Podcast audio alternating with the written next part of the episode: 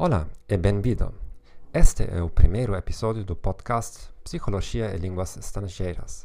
Chamo-me Gerhard Ormand e sou psicólogo, autor de livros e professor de língua alemã. Por que debes escutar este podcast? E quem sou eu? Por que estou fazendo este podcast?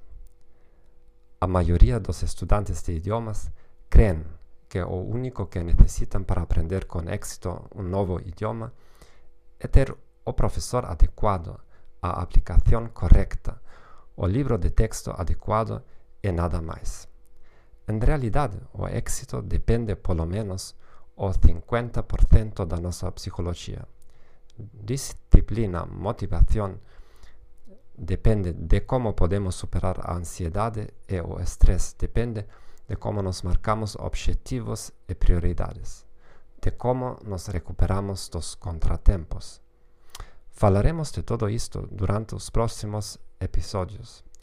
Sou professor leitor universitário de psicologia e também ensino alemão durante quase 20 anos.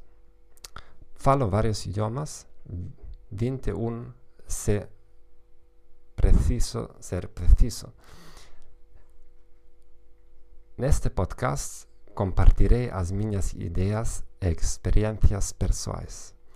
Também discutirei a te teoria psicológica em relação com a aprendizagem de línguas estrangeiras. Não sou experto em galego, já o terás entendido.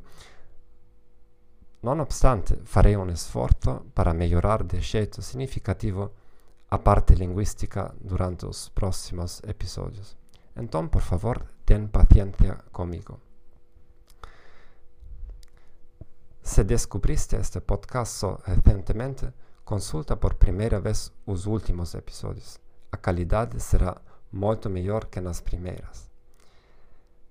Em qualquer caso, estou profundamente convencido de que a, a informação que comparto aqui será útil para superar os teus bloques e frustrações.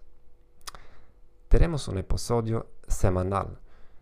Só durante a minha temporada de vacações faremos pausas de duas semanas.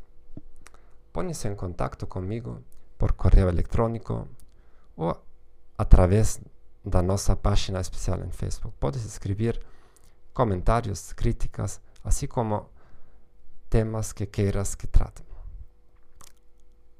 Recomenda-nos aos teus amigos e companheiros, como já que prometi antes, as, a parte linguística melhorará muito durante as próximas semanas. Todo o melhor e adiós.